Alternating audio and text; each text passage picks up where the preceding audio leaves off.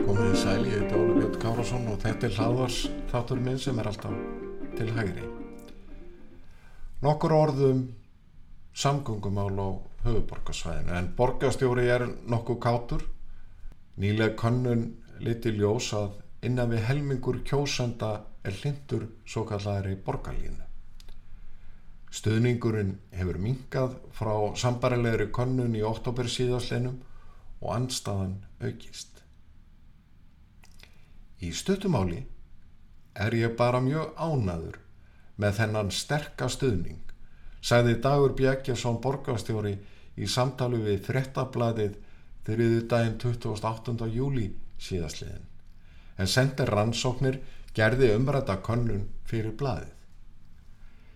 Í huga borgarstjóra eru niðurstöðunar eins og hann segir mikilvægt veganesti inn í næsta tímabil borgarlínunar sem er framkvæmda tímabil. Sem sagt, mingandi stuðningur og meiri andstaða valda honum og líklegast ekki öðrum í meiri hluta borgarstjórnar áhyggjum.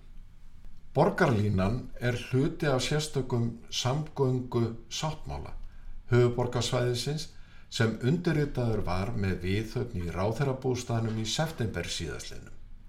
Fósættisráþæra fjármál og efnaðsaráþara, samgöngu og sveitastjórnaráþara, borgastjóri og bæjastjóra Garðabæjar, Hafnafjörðar, Kópavóks, Mósfellsbæjar og Seldjarnanes skrifuðu undir sáttmálan. Allir voru á því að umvara að ræða tímamóta samkómalag um metnaðarfulla uppbyggingu á samgöngu innviðum og almenningssamgöngum á höfuborgarsvæðinu til 15 ára.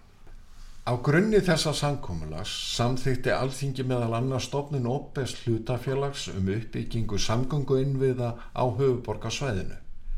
Sá er hér talar greiti atkvæði með stofnun hlutafélagsins þrátt fyrir miklar efasemtir um félagaformið en ég hef haldið því fram með rökum að ofinber hlutafélug, OHF, hafi reyn stýr leksja fyrir landsminn og þá ekki síst aðtunulífið meirum það einhver tíman síðar. Áallaður kostnaður við samkúmulagið er um 120 miljardar króna á næstu 15 árum. Ríkisjóðu tryggir að minnstakosti 45 miljardar en bein framlug sveitafélaga verða 15 miljardar eða um 1 miljardur á ári. Um 60 miljardar verða fjármagnaðir með flíti og umferðargjöldum en þó verða aðri kostir teknir til skoðunar, samhliða orkuskiptum og endurskoðun á skattlækningu og aukutæki og elsneiti. Í greinargerð með frumvarfi um stofnun ópera hlutafélagsins kemur fram að til greina komi að ríkið fjármagni þennan hluta uppbyggingarinnar með sérstökum framlögum vegna eignasölu til dæmis með sölu á Íslandsbanka.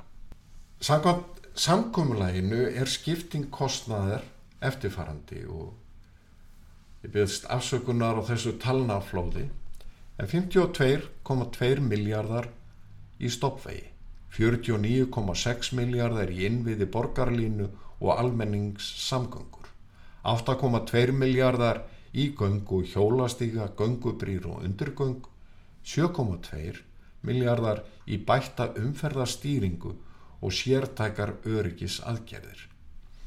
Þá segir orður rétt við endalega útvæslu framkvæmda verður sérstaklega hugað að greiðari tengingu aðlikjandi stoppbrauta svo sem sundabrautar inn á stoppbrautir höfuborga svæðisins.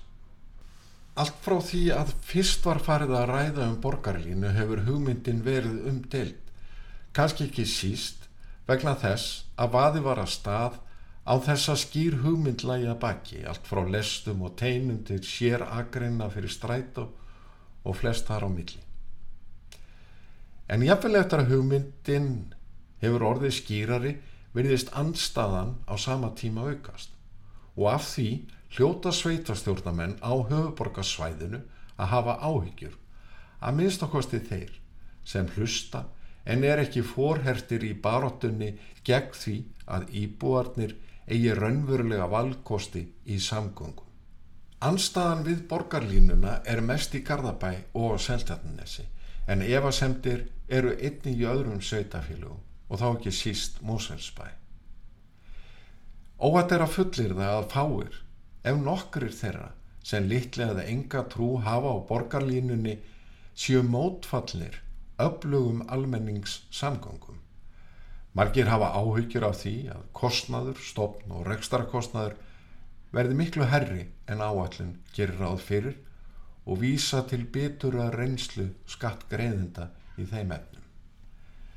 En anstaðan á sér einni rætur í óttanu við að borgarlínan riðji engabílnum úr vegi, drægi úr valkostum borgarana. Þessi ótt er eðlilegur Trátt fyrir að sáttmálinn sé skýr að ráðast í umfangsmiklar samgöngu umbætur meðal annars á stoppvegu og tryggja greiðari umferð með bættri umferðastýringu.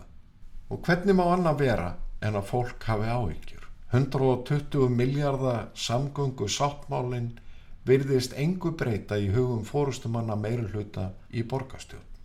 Sigurborg Ósk Haraldsdóttir borgarfulltrúi Pírata og formaður skipulags og samgönguráðs fór mikinn í grein sem byrtist í morgumblæðinu 13. júli síðaslegin. Undir fyrirsögninni engabílin er ekki framtíðin. Borgarfulltrúin bóðaði færri bílaakreinar og færri bílastæði og borgarlínu með stórtækum hjóla innviðum. Í þessu samingi er verðt að draga fram að markmið samgöngu sáttmálans er skýrt.